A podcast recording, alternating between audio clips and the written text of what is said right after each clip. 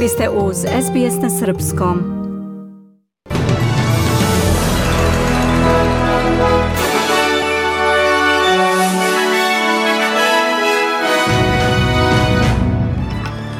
Banka državnih rezervi posle 11 godina podigla zvaničnu kamatnu stopu. Rusi nastavili granatiranje Azovstala, tvrde ukrajinski državni izvori. Srbija ukinula sve pandemijske putne restrikcije. Ulaz u zemlju dozvoljen bez PCR testa i potvrde o vakcinaciji.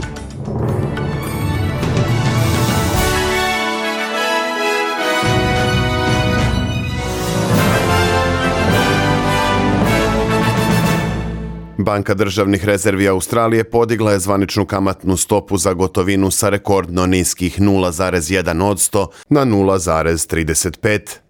Ova odluka centralne banke usledila je samo 18 dana pred održavanje saveznih izbora. Premijer Scott Morrison se distancirao od povećanja kamatne stope, tvrdeći da su spoljni faktori krivi za pritisak na ekonomiju. Morrison je rekao da su se Australijanci pripremili za povećanje stope prelaskom na stambene kredite sa fiksnom kamatnom stopom, a naglasio i da su inflacija i kamate veće u drugim zapadnim zemljama. Interest rates are at historic lows. In the last 30 years, the Kamatne stope su na istorijski najnižim nivoima. U posljednjih 30 godina prosječna kamatna stopa je bila 4,5%, tako da je očigledno na nivou koji je znatno ispod onoga što je bilo konvencionalno i što smo vidjeli širom sveta, kazao je Morrison i ponovio da su rat u Europi i poremećaji lanaca snabdevanja kao i uticaj nedavnih poplava doprineli najnovijim podacima o rastu inflacije. Premijer smatra da postoji i više pritisaka nego što smo do sada vidjeli.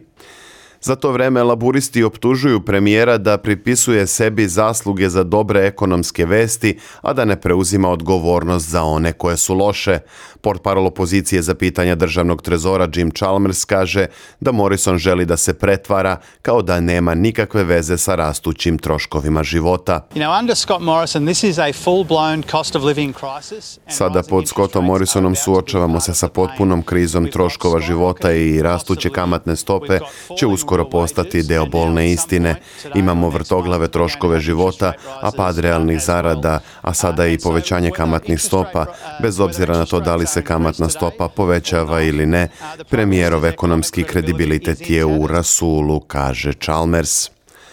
Ministarka obrazovanja Novog Južnog Velsa Sara Mitchell pozvala je državni sindikat nastavnika da otkaže sutrašnji štrajk. Ministarka je obećala da će se budžetu koji će biti objavljen u junu baviti platama u javnom sektoru. Sara Mitchell kaže da je odlaganje arbitraže o platama uz nastavak drugih pregovora pokazalo da vlada Novog Južnog Velsa radi u dobroj nameri. Međutim, predsjednik Federacije nastavnika Novog Južnog Velsa Angelo Gavrilatos kaže da će štrajk biti održan jer nastavnici traže povećanje plata od 5 do 7,5%. Prelazimo na vesti iz Ukrajine i sveta. Ukrajinski zvaničnici kažu da su nastavljeni ruski napadi na Čeličanu Azovstal u Marijupolju. Komandant nacionalne garde Denis Šlega kaže da je postrojenje granatirano svim vrstama oružja. Napad je usledio nakon što je više od stotinu civila evakuisano iz Azovstala, ali se navodi da ih i dalje ima više stotina u ovoj opkoljenoj čeličani. Ujedinjene nacije i Crveni krst se nadaju da će uspostaviti humanitarni koridor u novom pokušaju evakuacije. Izraelski zvaničnici osudili su izjavu ruskog ministra spoljnih poslova Sergeja Lavrova u kojoj prema njihovom mišljenju imao neoprostive komentare o nacizmu, Hitleru i ratu u Ukrajini. Lavrov je u nedjelju u intervju za italijansku televiziju ponovio tvrdnje Rusije da je izvršila invaziju na Ukrajinu kako bi denacifikovala ovu zemlju. On je tom prilikom sugerisao da je nemački diktator Adolf Hitler imao jevrejske krvi i da je jevrejsko poreklo ukrajinskog predsjednika Vlodimira Zelenskog ne znači da njegova zemlja nije mogla da ima nacističke elemente. Ove izjave izazvale su negodovanje u političkom spektru Izraela, pri čemu je ministar spoljnih poslova te zemlje pozvao ruskog ambasadora radi pojašnjenja i zahtevao je zvanično izvinjenje. Predsjedavajući izraelskog spomenika holokaustu Jad Vašema, Dani Dajan kaže da je Lavrov u izjavi okrivio jevreje i da su ubijali jedni druge za vreme holokausta. The words of Foreign Minister Lavrov are a fallacy. Reči ministra Lavrova su zabluda i treba da budu najoštrije osuđene. On u suštini propagira inverziju holokausta u kojoj se smatra da su žrtve počinioci. Ovo je odvratno i u suprotnosti je sa istorijskom istinom. Kancelarija za Kosovo i Metohiju u vladi Srbije saopštila je da napad do koga je došlo u nedelju na Gračaničkom jezeru, a u kom je u pravcu grupe srpskih mladića i devojaka ispaljeno više hitaca od strane dvojice Albanaca, predstavlja najdirektnije ugrožavanje života srpske dece. Kako se navodi u saopštenju, kancelarija još jednom upozorava Prištinu da ne daje zamah albanskim ekstremistima koji bi da stvaraju haos na terenu i da proteruju Srbe koji su s pravom ogorčeni i uplašeni za bezbednost svoje dece one međunarodne organizacije čiji je mandat i odgovornost da Srbima na Kosovu i Metohiji garantuju bezbednost, ovaj napad u čijem se središtu našla srpska omladina moraju tretirati s najvećom pažnjom i on nipošto ne sme proći nekažnjeno, navodi se u saopštenju. Dodaje se da je očuvanje mira i stabilnosti na Kosovu i Metohiji najveći prioritet za zvanični Beograd. Nažalost, svedoci smo da se neodgovornim izjavama albanskih političara na čelu sa Albinom Kurtijem Srbima svakodnevno crta meta na čelu i direktno ugrožava njihova bezbednost, navodi se u saopštenju. Na grupu od devetoro srpskih devojaka i mladića pucala su dvojica albanaca na motoru, koje je zatim u razmeni oružane paljbe ranio policajac koji se tu slučajno nalazio. Port parol policije Agron Borovci kazao je za RTK2 da je policija pokrenula istragu kako bi razjasnila sve okolnosti ovog incidenta, kao i da osobe koje su zadobile prostrelne rane imaju 23 i 28 godina. Nemački kancelar Olaf Scholz primit će u sredu u Berlinu specijalnog izaslanika Evropske unije za dijalog Beograda i Prištine Miroslava Lajčaka. Istog dana Scholz će se sastati i sa kosovskim premijerom Albinom Kurtijem, a zatim i sa predsjednikom Srbije Aleksandrom Vučićem. Port parol Evropske unije za spoljnu i bezbednostnu politiku Peter Stano potvrdio je da će Lajčak posle susreta sa Šolcom također održati neformalni sastanak sa Kurtijem i Vučićem. Umeđu vremenu, stručnjak za Balkan i viši saradnik Saveta za politiku demokratizacije u Berlinu, Bodo Weber, smatra da je teško očekivati bilo kakav pomak u dijalogu Beograda i Prištine. Preko je potrebno suštinsko resetovanje pregovora. Postojala je šansa prošle godine, odnosno posle dolaska predsjednika Bajdena na vlast u Americi, a pre odlaska sa vlasti nemačke kancelarke Angele Merkel.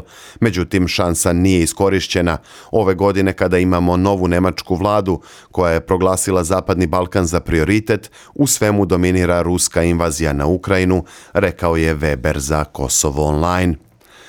Predsjednik srpskog pokreta Dveri Boško Obradović ocenio je da je abdikacija na presto princa Petra Karađorđevića državnički potez koji vodi računa o budućnosti monarhije u Srba.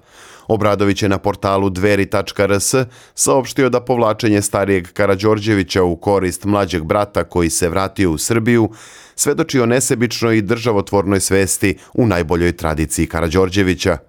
Učinit ću sve da se u Narodnoj skupštini otvori jasna rasprava na temu povratka monarhije, jer je došlo vreme da građani čuju da postoji drugi oblik državnog uređenja, izuzev republikanskog.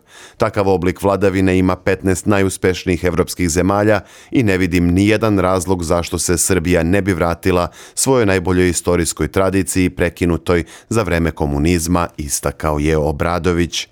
Princ Petar Karađorđević saopštio u prošli četvrtak da je potpisao odluku o, kako je naveo, abdikaciji kojom se odriče svih prava prerogativa koja mu pripadaju po osnovu prvorodstva i da ih prenosi na sljedećeg porstarešinstvu svom bratu Kraljeviću Filipu. Princ Petar je najstariji sin princa Aleksandra Karađorđevića i unuk kralja Jugoslavije Petra II. Karađorđevića. Odluku o abdikaciji, kako je naveo u saopštenju, potpisao je u palati Svetog Andreja u Sevilji u prisustvu sve, svedoka i svestan da se tim činom odriče svih prava za sebe i za sve svoje potomke. O svojoj, kako ističe, nepokolebljivoj odluci zvanično je obavestio i oca, princa Aleksandra, kao i patrijarha srpskog Porfirija. Princ Petar smatra da je u interesu dinastije da princ naslednik sa svojom porodicom živi u Srbiji među svojim narodom. U tom smislu ukazao je da je njegov brat princ Filip svoj svoj život svoje porodice vezao za Srbiju u kojoj se nakon devet decenija rodio i prvi muški član dinastije Karađorđević, sin princa Filipa Stefan. Gradska izborna komisija Beograda juče na 35. sednici odbila još šest prigovora koje je podnela koalicija Ujedinjeni za pobedu Beograda, saopšteno iz Gradskog sekretarijata za informisanje. Predsjednik Gika Zoran Lukić je na pitanje agencije Tanjug koliko će se čekati na nove rezultate, objasnio da postoji pravo žalbe na tu odluku i da se moraju sačekati sve zakonske mogućnosti koje liste imaju. Kako je naveo, može se dogoditi da sve potraje do juna. Od danas prestaju da važe sva ograničenja i mere za ulazak u Srbiju kako za domaće tako i za strane državljane, saopštila je vlada Srbije. Od ponoći više neće biti potrebni PCR testovi kao ni potvrde o preležanoj bolesti ili vakcinaciji onima koji ulaze u zemlju. Vlada je obrazložila da je odluku donela u skladu sa epidemiološkom situacijom u Srbiji i u skladu sa odlukama većine zemalja Europe. Poslednjih nedelja beleži se nekoliko stotina novozaraženih dnevno na nekoliko hiljada testiranih. Broj umrlih na dnevnoj bazi prema zvaničnim podacima je jednocifren. Na međunarodnom tržištu valuta jedan australijski dolar danas vredi 71 američki cent, 67 eurocenti, 57 britanskih penija i 79 srpskih dinara i 20 para. Evropska futbalska konfederacija UEFA odlučila je da suspenduje sve ruske reprezentacije i klubove iz svojih takmičenja za narednu sezonu. UEFA je odlukom od 28. februara ove godine već suspendovala Ruse iz tekućih nadmetanja. Dakle, ruske reprezentativne selekcije neće moći da nastave započeta takmičenja, a klubovi neće moći da učestvuju u Ligi šampiona, Ligi Evrope i Ligi konferencija iduće sezone. Shodno tome menjaju se i liste učesnika, a jedna od najvećih promena vezana je za predstavnike Srbije. Naime, izbacivanjem ruskih klubova, Srbija je napredovala na klubskoj rang listi, pa će u narednoj sezoni imati predstavnike u sva tri takmičenja. U sezoni koja se završava, Srbija je od starta imala predstavnike u kvalifikacijama za Ligu šampiona i Ligu konferencija, ali ne i za Ligu Evrope.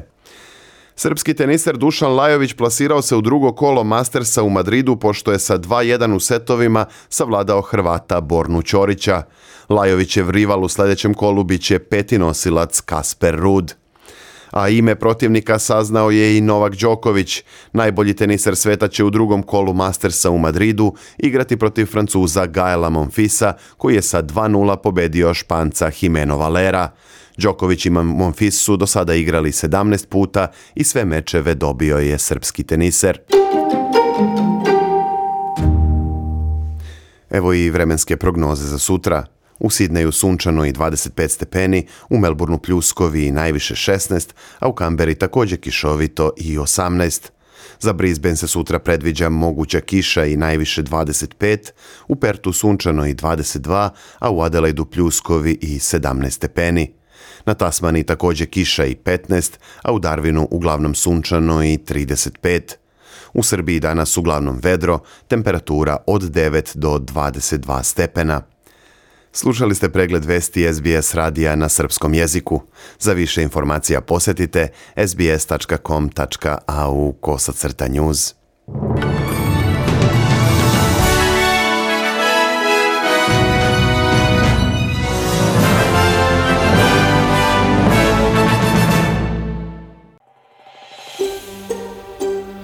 Želite da čujete još priča poput ove? Slušajte nas na Apple Podcast, Google Podcast, Spotify ili odakle god slušate podcast.